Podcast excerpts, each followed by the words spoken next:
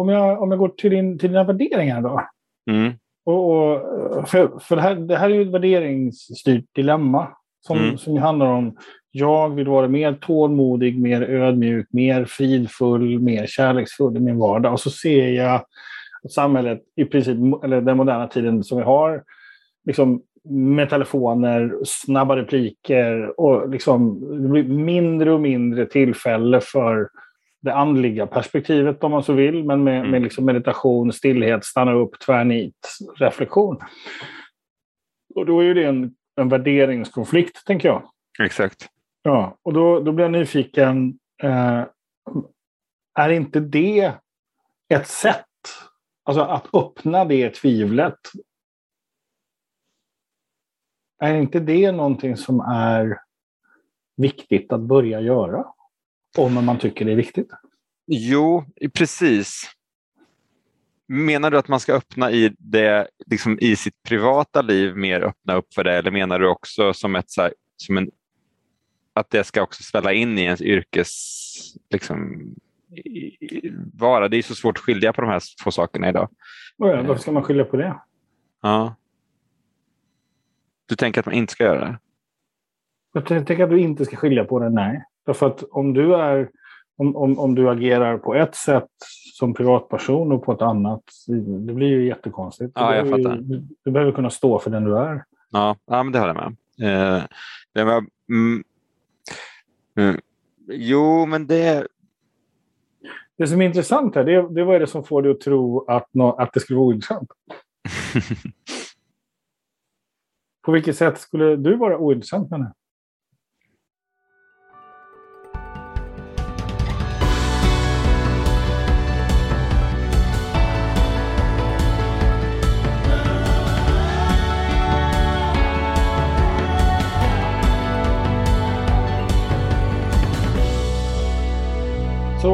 Vem är Bo Nylund för dig? Jo, alltså, när jag, jag har aldrig träffat honom, men när jag började läsa teologi för 20 år sedan så, så läste vi massor böcker och massor svåra och tråkiga och tunga böcker. Eh, men så fanns en liten bok som var på kanske 80 till 100 sidor som hette Teologi genom seklerna. Och den stack ut, den var så förunderligt klar och tydlig och enkel. Det var liksom ingen författare försökte imponera eller använda onödigt svåra ord eller någonting. Så den blev liksom dörröppnaren till allt det andra. Man läste den och man förstod och då kunde man också förstå de andra böckerna och så. Så det var Mm. en väldigt viktig port för mig in i den Jag, jag teologiska associerar lite portal. Ja, men verkligen så.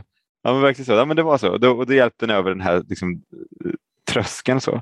Men jag, men, och sen så har jag förhört, så här, frågat runt. Vem var, för, jag, för att jag har ju varit kvar på akademin men inte träffat honom. Eh, för han har liksom inte gjort den här akademiska karriären och, och sådär. Men han var knuten till Uppsala universitet och han var där en del. Han, jag tror, men jag tror att han var framförallt lärare, högstadie gymnasielärare eller sånt där. Eh, Men du hade träffat honom, var det så? Jag har träffat honom under många olika delar i mitt liv. Han, han var ju väldigt engagerad i Bolivia. Mm. Eh, och jag, min mamma gifte sig med en latinamerikan när jag var 13. Och vi hamnade av massa, massa olika konstiga skäl och så hamnade vi i Bolivia. Eh, men, men, eh, och, och där lärde jag känna Bo Nylund. Eh, sen blev jag sedermera engagerad i Nicaragua-frågan. Eh, och jobbade som biståndsarbetare en period i mitt liv eh, med, eh, med bistånd till, i Nicaragua. Och då var Bo Nylund var ordförande för någonting, för en kampanj som hette Nicaragua måste överleva. Eh, Mhm. och, och då kom jag i kontakt med honom där och träffade honom både på plats i Nicaragua och eh, här i Sverige i, i det ideella arbetet. Och, ehm, och sen han, han, eh, han begravde min bror, min lillebror. Eh, Mhm. och eh, han begravde också min bästa vän, eh, Luis Forcade, som eh, omkom i en flygolycka. Mm. Eh, också, han var med i det projektet vi arbetade i. Eh, Mm. Och, och eh, en väldigt tragisk händelse. Det var sex personer som dog, inklusive piloten. Och det var stor, stor dramatik. Men, men tillsammans med det var då hans fru Eva eh, och eh, Bo Nylund som liksom förberedde och planerade en av de häftigaste begravningar jag har varit med om i hela mitt liv. Mm. Det var som en, en, det var en transformation från liv till död som vi alla var med på. Som var helt, helt fantastisk händelse. Det, var, det finns, finns ett ögonblick när vi står allihopa vid kistan. Liksom, barnen vid varsin sida och, och jag vid hans ena sida. Och, och sen hans gudson vid fötter. Och så slängde gudsonen plötsligt ett glas rött vin över, över björkkistan. Liksom. Och så när vi tittar upp, då står alla 450 gäster samlade som en, en liksom cirkel runt oss. Så här. Och du hör ju, det betyder alltså att vi hade begravningsceremonin i en timme och sen hade vi en timmes mingel mm. tillsammans med Louise på plats. Liksom, där i hela kapellet. Det var, det var outstanding. Eh, ett otroligt värdigt avslut för, för Louise, resan med Louise.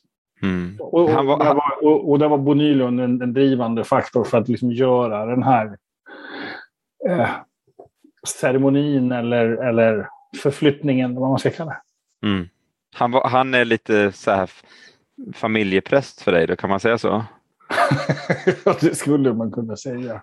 Ja, kompis. Uh, ja nej, men det, jag har inte ja. tänkt på det på det sättet, men absolut. Han, jag kommer ihåg en, han, han gav mig, alltså vissa sägningar som man får i livet, de hänger ju kvar. Mm.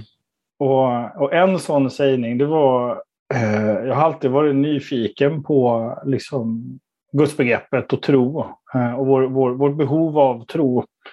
Eh, hur vi än väljer att förhålla oss till det så har vi ändå något, e- en väldigt intressant drivkraft till, till begreppet tro. Och, och då frågade jag honom lite, lite sådär i hans stuga i Uppsala. Så frågade honom, Men du Bo, vad, vad, vad tänker du är, vad är beviset då för att man tror?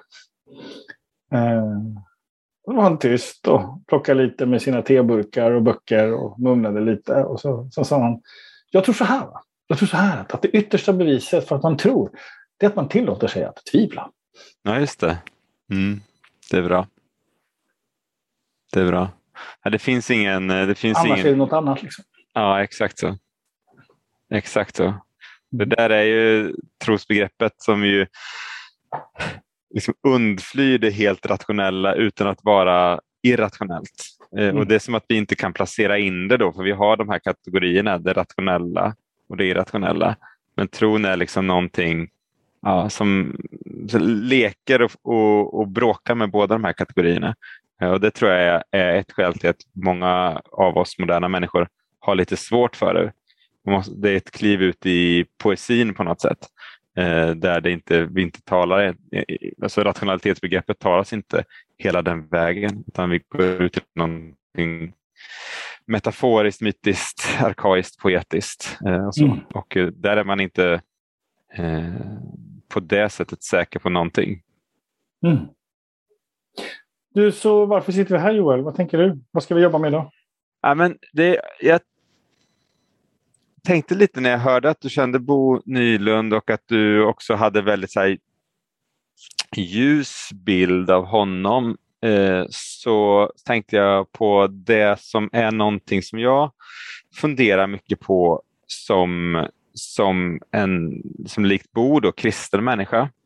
Eh, och eh, så, så kan jag tycka att i mitt liv så har jag alltid haft en viss idé om vilken person jag vill bli då. Eh, att man vill eh, mogna som människa, fördjupas, utveckla vissa karaktärsegenskaper som liksom i min tradition som vi värdesätter, typ tålamod, ödmjukhet, frid, kärlek, sådana saker.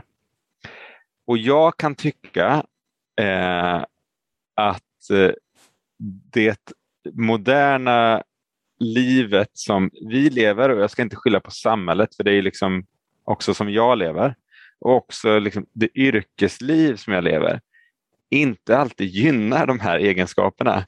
Utan det, de, de, det gynnar istället liksom, alltså, otålighet, eh, distraktioner, stress, ta sig fram, sälja sig själv, eh, eh, liksom, genvägar av olika slag, moraliska, etiska, intellektuella eh, och så.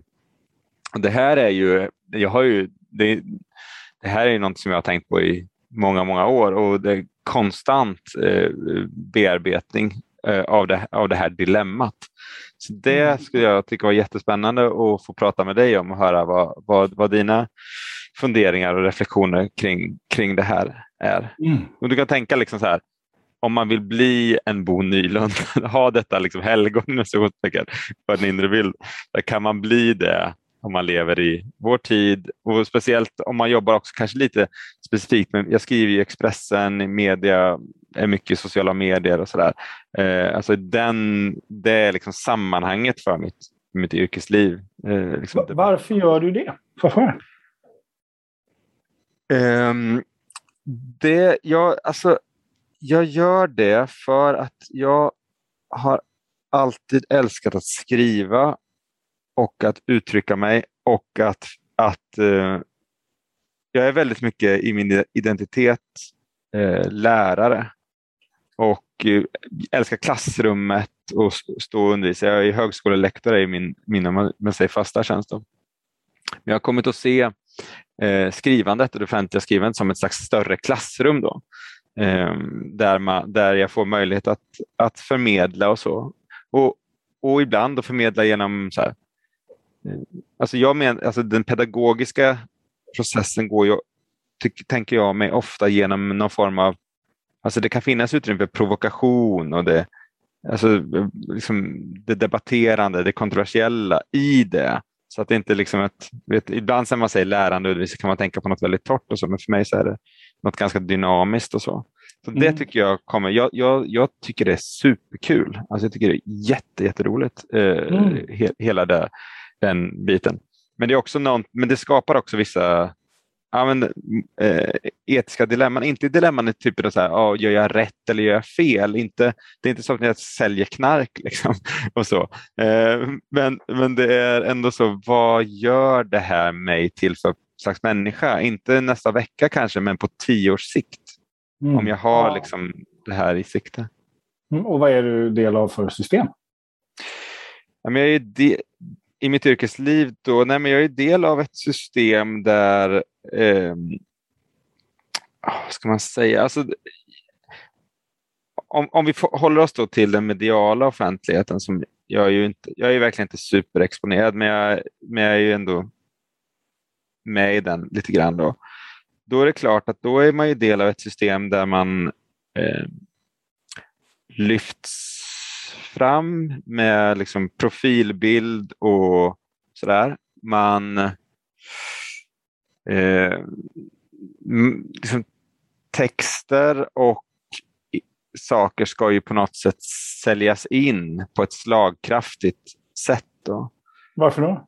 Eh, ja, men för att eh, man vill nå fram till och nå ut till de som läser eh, och de som skulle kunna vara intresserade av ämnet.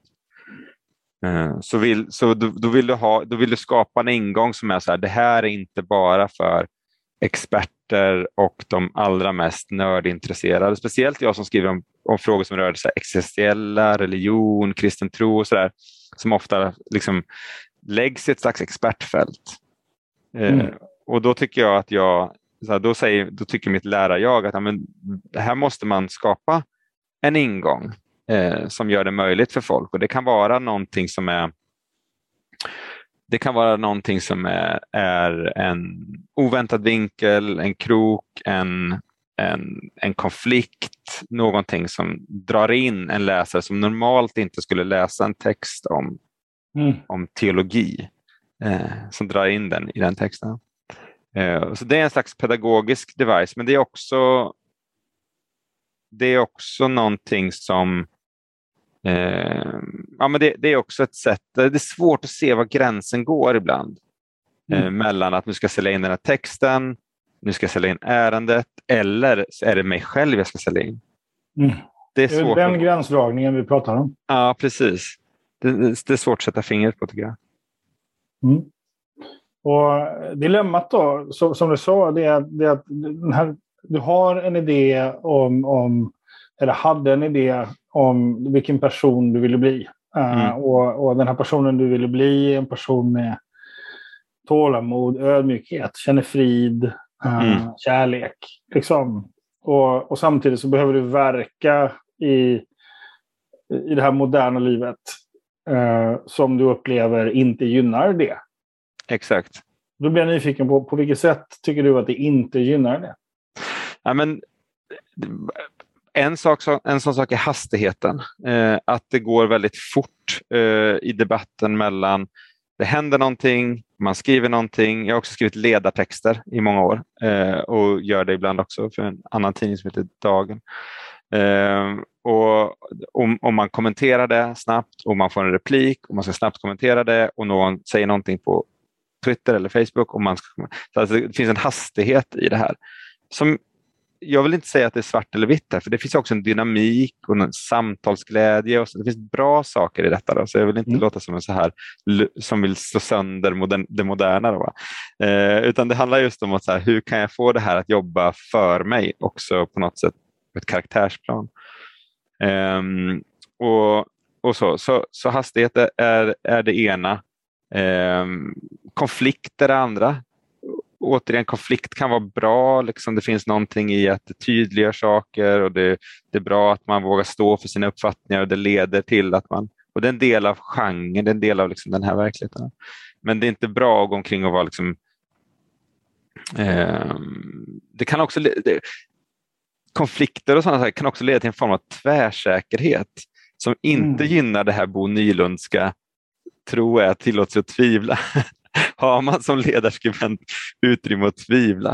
Eh, för man ska hela tiden så här, hela tiden då vara väldigt, eh, ja man ska ha en åsikt om allting. Eh, och, och efter, efter många år, jag har skrivit då kanske sju år på det, så då kan jag tycka att det nästan börjar påverka mig i vardagen att jag har starkare åsikter om vad vi ska äta till middag idag mm. än vad jag hade för tio år sedan. Då. Alltså man, får liksom, man är så otroligt van att det händer någonting, ja, då har man en uppfattning om det. det händer någonting. Eh, och det, ja, det, tvärsäkerheten där är också tvetydig. Mm. Moraliskt tvetydig. Ja, den, vi kan ju inte vara tvärsäkra. Nej, vi kan ju inte det. Nej. Och så måste vi låtsas vara det fast vi inte är det. Är det den du syftar på? Att, att det blir falskt? Ja, men det är också, jag tänker någonstans att så här eh, saker och ting blir, blir så djupa vanor igen. Eh, och, och formar, man får liksom en, en, en man får liksom vanan, impulsen är att tycka någonting, eh, att ha en uppfattning om någonting. Eh, impulsen är kanske inte att ta in, idissla, reflektera, fundera. Och så. Men det blir, det blir liksom olika sätt att vara i världen. Som man inte... och, vad, och vad skulle hända om du, jag trodde inte jag skulle säga den här meningen idag, men vad skulle hända Joel om du idisslade mer? Ja, precis. Um, vad ska hända då?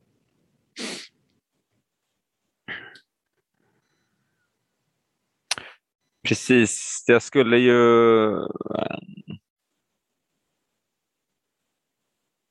det skulle ju, det skulle ju gå långsammare. Eh, det skulle det gå. Eh, jag skulle behöva jag tror jag skulle behöva skriva på ett lite annat sätt. Mm. Eh, ett mer så här sökande sätt. Um, Ja, precis. ja. Men jag vet inte. Vad händer för dig just nu när du tillåter dig själv att tillsammans med mig idissla lite? Men jag tänker så här. När jag skriver en text, då är det texten och textens idé och budskap som är intressant. Mitt tvivel och mitt idisslande är ju mina egna processer som skribent eh, och människa på något, på något vänster. Eh, jag, eh, och det här är också ett problem jag har med den moderna offentligheten. Eh, jag har lite svårt att tycka att jag ska behöva utsätta läsaren för mina processer. Alltså, Mhm. Det känns lite självbespeglande. Eh, här ska ni få se.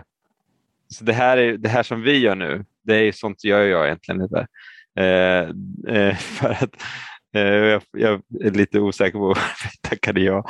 Eh, men, men, eh, men det är ju att, ja, men det är att liksom, jag tycker inte att jag ska behöva utsätta jag tycker inte det är intressant Okej. Så för någon annan. Du, Mhm, Hur vet du det? Nej, jag vet inte det. Men jag, jag tänker inte att det är det. Jag, Mm. jag bara, om, jag, om, om, jag, om jag går till, din, till dina värderingar då? mm, Och, och, för för det, här, det här är ju ett värderingsstyrt dilemma som, Mm. som handlar om jag vill vara mer tålmodig, mer ödmjuk, mer fridfull, mer kärleksfull i min vardag. Och så ser jag samhället, i princip, eller den moderna tiden som vi har, liksom med telefoner, snabba repliker och liksom, det blir mindre och mindre tillfälle för det andliga perspektivet om man så vill, men med, Mm. med liksom meditation, stillhet, stanna upp, tvärnit, reflektion. Och då är ju det en, en värderingskonflikt, tänker jag. exakt. Ja, och då, då blir jag nyfiken. Eh, är inte det ett sätt, alltså att öppna det tvivlet? Är inte det någonting som är viktigt att börja göra? Om man tycker det är viktigt. Jo, precis. Menar du att man ska öppna i det, liksom i sitt privata liv mer öppna upp för det eller menar du också som ett så här, som en, att det ska också svälla in i ens yrkes liksom, vara? Det är så svårt att skilja på de här två sakerna idag. Och ja, Varför ska man skilja på det? Ja. Du tänker att man inte ska göra det? Jag tänker att du inte ska skilja på det, nej. Därför att om du, är, om, om, om du agerar på ett sätt som privatperson och på ett annat, det blir ju jättekonstigt. Du Ja, jag behöver fattar. Du, du behöver kunna stå för den du är. Ja, ja men det håller jag med. Eh, det var, mm, mm, jo, men det... Det som är intressant här, det, det vad är det som får dig att tro att, nå, att det skulle vara ointressant? På vilket sätt skulle du vara ointressant med det?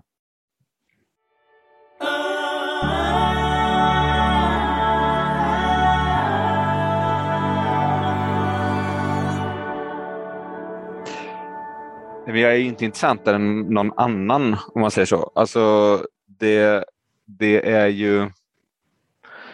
Eh, nej, men jag tycker att eh, det jag... Eh,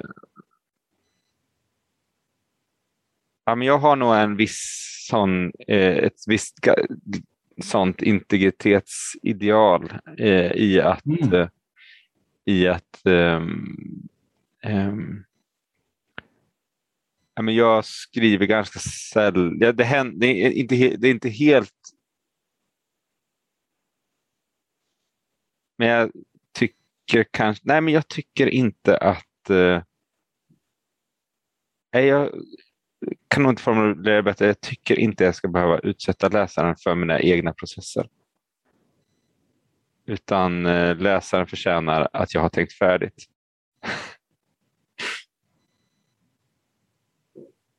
Vad intressant. Ja. Så, jag, så mina texter har inte så jättemycket tvivel i sig. De är, inte, de är liksom, kanske har en känsla av att det finns något typ så här, men jag är ändå ganska, jag är ändå ganska, så här, de är ändå ganska intakta. Mm. Ehm, Var kommer, var kommer den här idén ifrån, tänker jag? Att, att, det är, att det här är kopplat till integritet och man ska inte visa sin process. Och, Jag vet faktiskt inte. Ehm, det kanske är, alltså, åh, det finns ju alltid massor nivåer i sånt här. Mm. Eh, det kan ju vara att man är storebror och uppfattar att eh, man har man behöver ta ansvar för sina småsyskon genom att eh, säga här går vägen, nu går vi hitåt. Och så. Det kan ju finnas sådana saker och det kan också vara um... Nej, men jag har alltid tänkt att eh, man bidrar till eh, samtal och eh, diskussioner genom vad man har att säga. Eh, inte, alltså, nu pratar jag inte om vänskapssamtal, de är på ett helt annat sätt. Då. Mm. Genom vad man har att säga, inte genom vad man, eh, vem man är eller sådana saker. Mm. Eh, det, det, finns nog en ganska så här intellektualism hos mig där. Det kan mm. göra. Men om vi går tillbaka till din grundtes, dilemmat. Mm. Är du en person som liksom har gott tålamod? Är du en person ja. som, som känner dig ödmjuk? Är du en person som känner frid? Är du en person som möter världen med kärlek? Jag, jag tänker det här, det här dilemmat du noterar med, med liksom det moderna lev, liv, liksom, tiden vi lever i kontra vad jag kanske faktiskt uttrycker att jag behöver mer av. För det är det jag tolkar in i det här. Att jag hör, det här är någonting som du vill ha mer av, oavsett ja. vilken tid vi lever i. Då tänker jag den enda personen som kan ha ansvar för den processen, ja, det är ju Joel. Mm. Ja, det där var ju snyggt. Där fick du ihop de två trådarna på ett väldigt effektivt sätt. Eh, alltså om jag, du, du säger ju att jag eh, om, eh, om jag har det här eh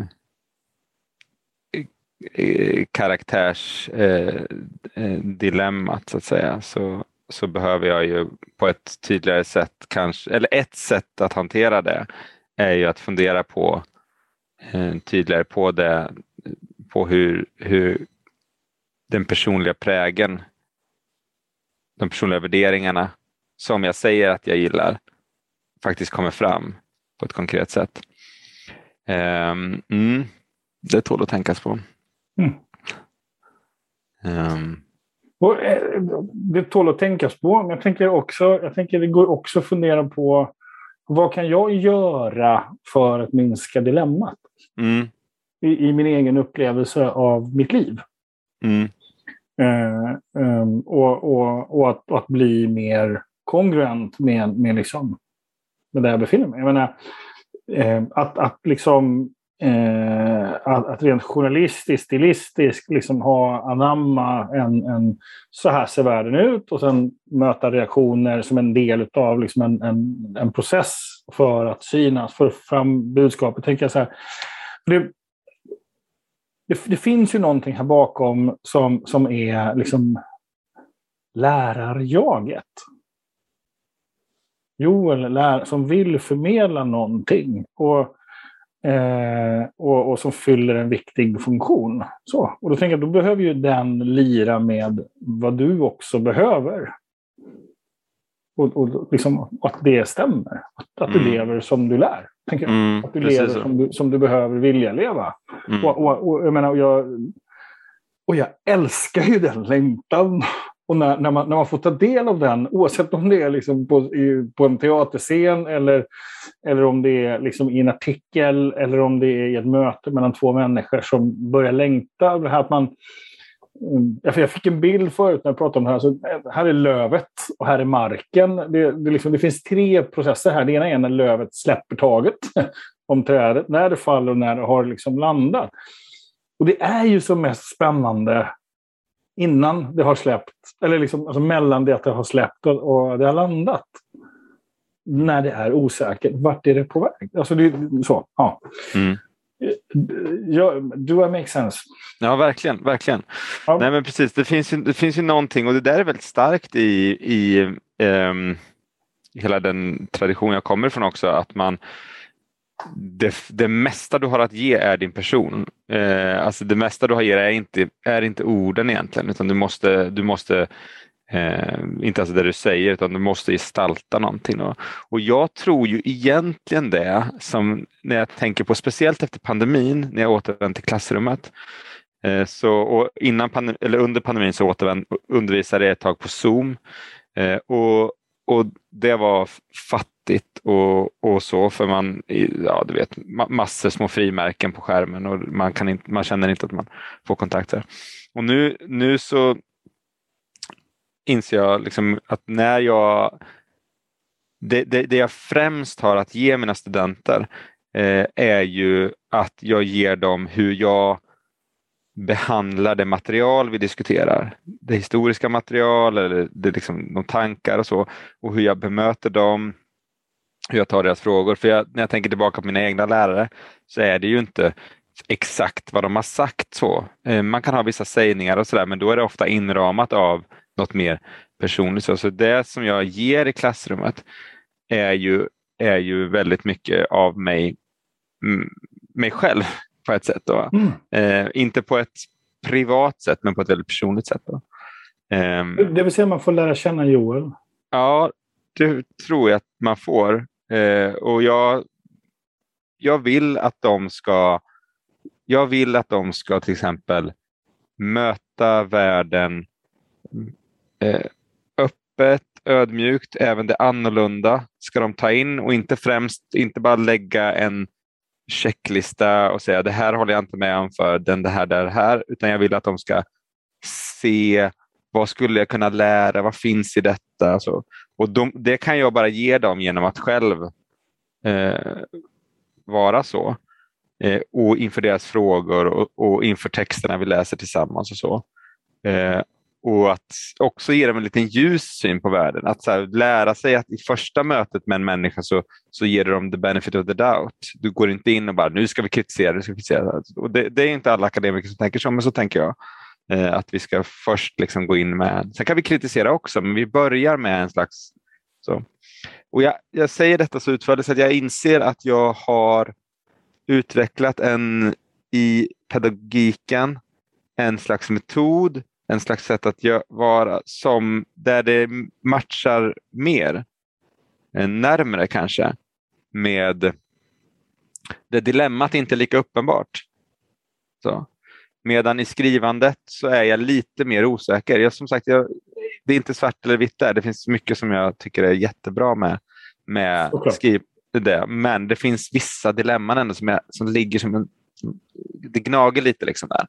Mm. Det är väl det, där måste jag hitta något sätt också att, att gestalta de här andra dygderna som jag tror på. Tålamodet ja. och så. Tänka på hur den klassrumserfarenheten kan gå in i skrivandet. Då. Ja, för jag, jag, tänker att du har, vad jag tycker mig höra är att du har valt liksom det allmän, den allmänna scenen för att, ha, att vara eh, som ett vidare perspektiv på läraren. Så. Mm. Eh, och då tänker jag, eh, och där, där tänker jag, där har vi alla ett ansvar att bestämma oss för, för vilken typ av lärare vill jag vara på den arenan. Mm. Och förhålla mig till det. Eh, och, och vara den jag är i det. Eh, jag blev nyligen intervjuad av en podd eh, eh, där, där hon som har podden inledde med att säga ja, det gick inte att hitta så mycket om dig egentligen på nätet. Då svarade jag, vad bra. mm. för, för det är inte därför jag är där. Mm. Jag har en väldigt tydlig idé om min, mina, liksom när jag är här. Um, um, och jag känner igen otroligt mycket i, i, i den här kunskapsöverföringsprocessen som man kallar för pedagogik. Men, mm.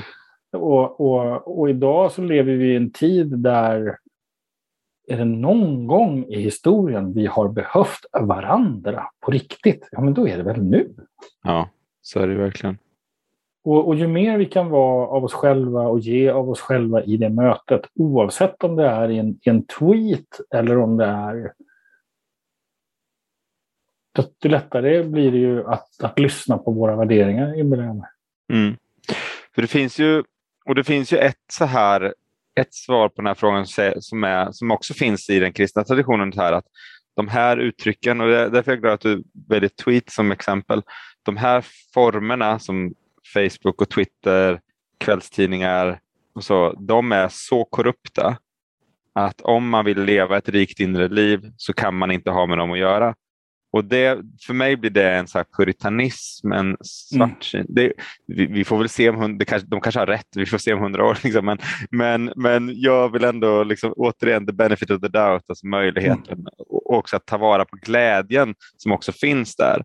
Eh, men att också medge att vissa format, speciellt sociala medier, eh, sluttar mot, eh, liksom mot negativa saker. Förstår du vad jag menar när jag säger sluttar? Alltså de, det är inte så att de med nödvändighet gör en så, men det finns hela tiden den risken eh, i, inbyggd i mediet.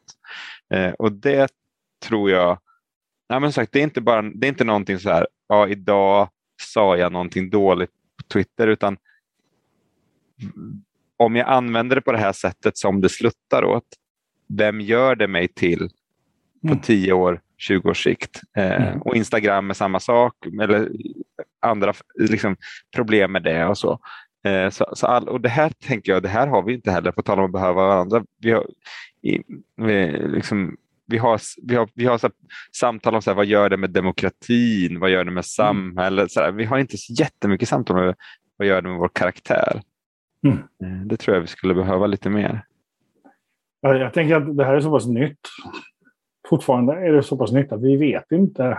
Um, jag associerar till en till grej. Jag kommer ihåg jag var såg, uh, när jag var väldigt ung så, så var jag fascinerad över uh, modern konst. Jag var med i Moderna Museets Vänner. Och det var inte bara för alla coola konserter utan jag, jag var faktiskt intresserad av mötet mellan liksom, vad hände i mig när jag såg konst. Och, jag, och det, finns det, ju, det finns ju den här eh, den, en, en sanning som är att men, konsten ligger i betraktarens ögon.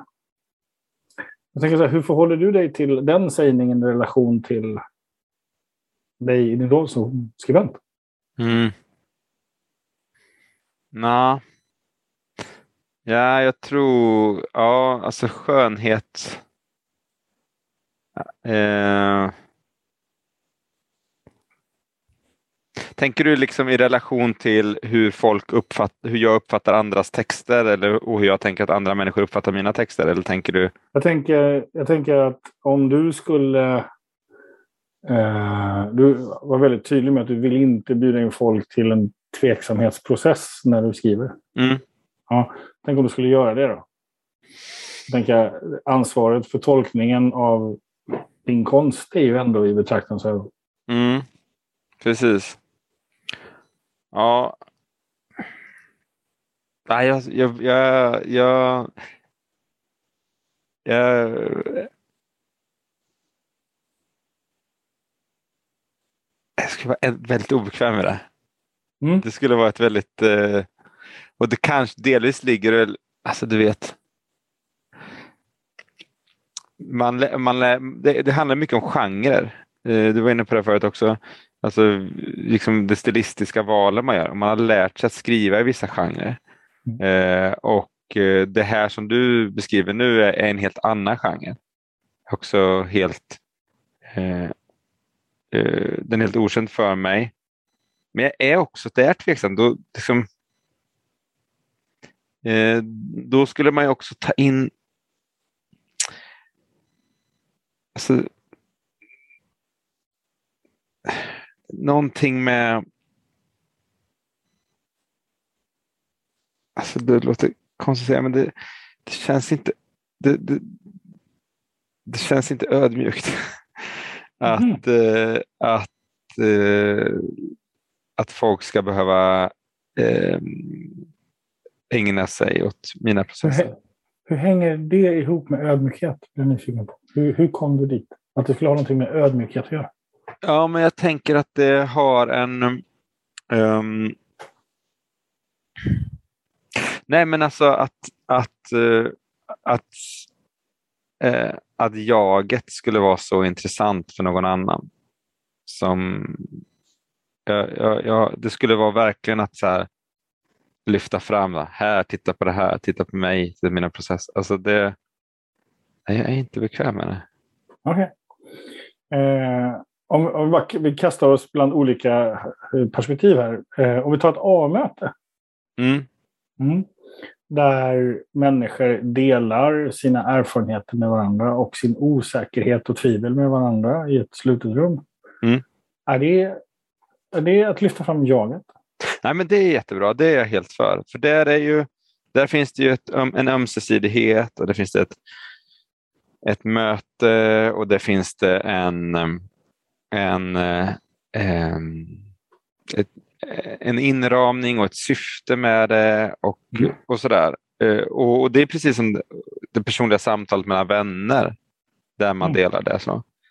Eh, men, men inte... Eh, alltså det, i, inte i offentligheten. Men det här är också så att det är klart att jag fattar ju att det personliga är hårdvaluta i vår tids offentlighet. Verkligen hårdvaluta. Alltså den personliga berättelsen. Det personliga, så mm. eh, och eh, så för mig är det nästan att eh, det finns någonting som har med integritet och att vara obekväm i det att göra. Mm. det finns någonting som är att jag vill inte sälja ut det. Mm. Eh, det är också här svårt. Och, och, men men, men du, du, du signalerar också det här, kanske ska man bjuda in, kanske är det, är det i det personliga, man gestaltar någonting som är det mest värdefulla man har att ge. Ungefär så, pratar om lärarrollen där. Mm. Så att det är ju verkligen urskiljning som krävs, som man säger. Vad som är vad. Och jag, och jag blir nyfiken på den här konflikten. Som, alltså var, vad är det som gör att det blir egot Mm. Eh, för, uh, som dyker upp hos dig och det blir så starkt. Jag, jag, säger inte att du har fel i det, jag är mer nyfiken på liksom, vad, det, vad kommer den ifrån? Uh, och, jag, um, och jag tror att den här är jätteviktig. För jag tror att alla som på något sätt rör sig i sociala medier på olika sätt, någonstans, och liksom som börjar uttrycka sig, har den här, hmm, är det här ego, är det inte ego, vill jag, mm. är det för liksom, Yeah. Och, och vad kommer den värderingen ifrån? Vad är det som gör att det här blir så? Det är min integritet. Jag tänker, det finns kraft där som jag blir nyfiken på. Ja. Nej, men jag tycker inte... Mm, ja, men det är nog som du säger, det är nog en, eller som, det är nog en kombination av, av orsaker. Det ena är, ett, så att, det ena är nästan så här ett, ett, ett intellektuellt beslut. Att jag är här eh, och, och har den här kolumnen för att jag har någonting att säga och det i sin tur bygger på att jag har liksom 20 års utbildning eller något liknande. Eh, mm. Så det är det, som vi, det är det som vi pratar om här, inte då vem jag är eller sådana saker. Eh, och, och, och sen så finns det någonting, sen tror jag att det finns en integritetsaspekt i att eh, ja, men det här är mitt privata. Eh, och Det här är någonting som jag delar med mina vänner och jag delar med, det här, med min familj och så. Och, men jag delar det inte offentligt. Så att säga. För det, och, så. och det tror jag, båda de sakerna tror jag är, är rätt och sunt. Då. Men så finns det också en tredje sak som är så här. Det här är kontrollbehov och det här är att jag inte... Så, här, så det, det här att jag, jag vill inte framstå som någon jag är mer intresserad av att framstå som någon som har svar än någon som har processer om man ska vara, liksom, rita en karikatyr, men ändå någonting. Då. Så, och jag menar, det, det, för mig själv är det nästan omöjligt att säga vad som är vad. I mm. detta. Jag, jag kommer ju bara lura mig själv om jag försöker säga det är det här, liksom för att ge dig ett, ett svar som, jag, som låter bra. Då. Eh, men, men de sakerna är i förhandling. Och, men om, om vi skulle låtsas för en liten stund att det var någon av de där tre, vilken av de tre skulle kunna vara?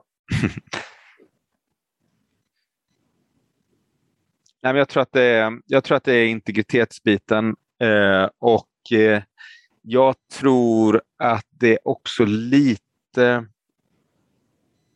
Men jag tror att det finns, om jag ska glänta lite, en psykologisk dimension i det också i att jag har ju alltid jag har ju alltid, eftersom jag är född uppvuxen i en pingstförsamling i en ganska sekulariserad del av Sverige, så har jag alltid varit en eh, person som i klassrum, i skolgård alltid har varit en avvikare. Eh, det tror jag gör att jag är inte jätteintresserad. Jag har en viss, eh, eh liksom, jag vill inte släppa, släppa eh, vem som helst eh, för nära in i de processerna för att då har jag nog känslan att det kanske inte slutar lyckligt. Mm. Så att ge dem inte det. Om jag ska vara. Jag tror att det finns mm. en sån. Mm.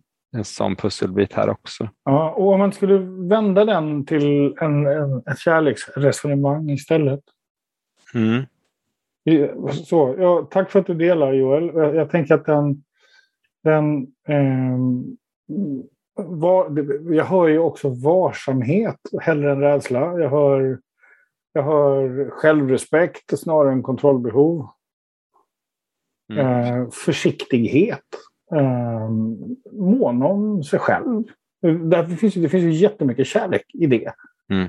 Som inte alls liksom, för mig är kopplat till ego eller själv, självhävdelse. Och, och den, den etiska gränsdragningen tänker jag är... Eh, handlar väldigt mycket om att faktiskt påminna sig själv om, ja men vänta nu, vem är det jag vill vara?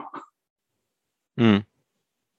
Och, och, att ge sig den reflektionen så att man inte tappar fotfästet i det här moderna livet och glider iväg och, och börjar göra saker som, man, som inte är kopplat till den jag är och det jag vill och behöver. Liksom. Utan, utan att oftare faktiskt stilla sig och fundera, gör jag rätt saken?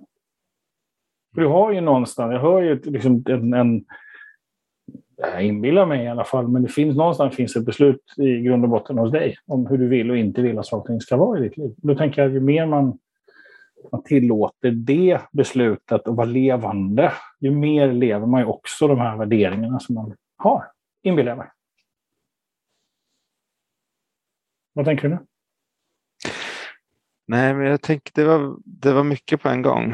Eh, och eh, fint summerat. Det var fint att höra din, eh, din, eh, ja, din summering av vad du, vad du har hört. Eh, och jag tror att det där som du säger, alltså jag tror ju väldigt mycket på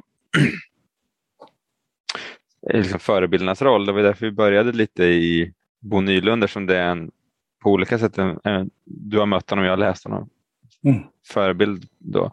Att det blir en slags det blir, man kan säga så här, man kan tala om egenskaper men det blir så abstrakt. Det är bättre att tänka så här, här har vi några förebilder, de, ditåt ungefär ska jag. Eh, mm. och, så. och som du säger, att påminna sig om det.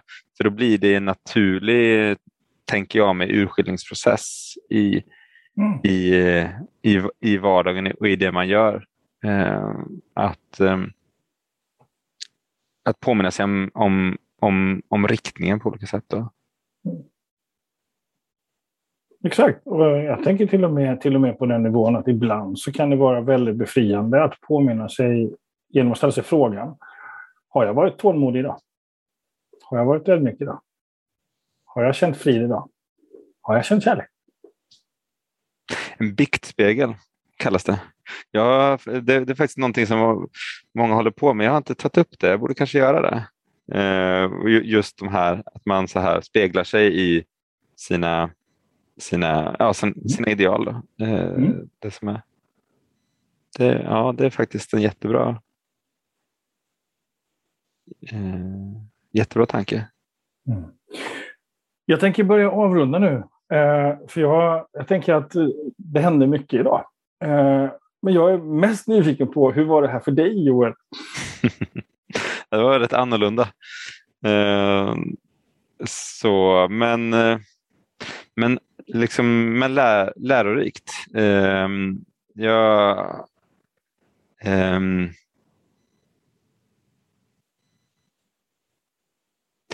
um,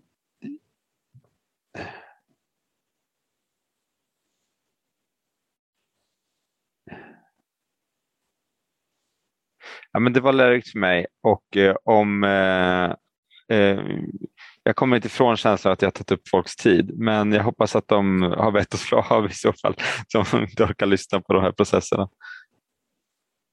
Mm.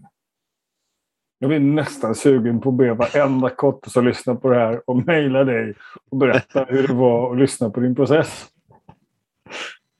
plågsamt. Ja.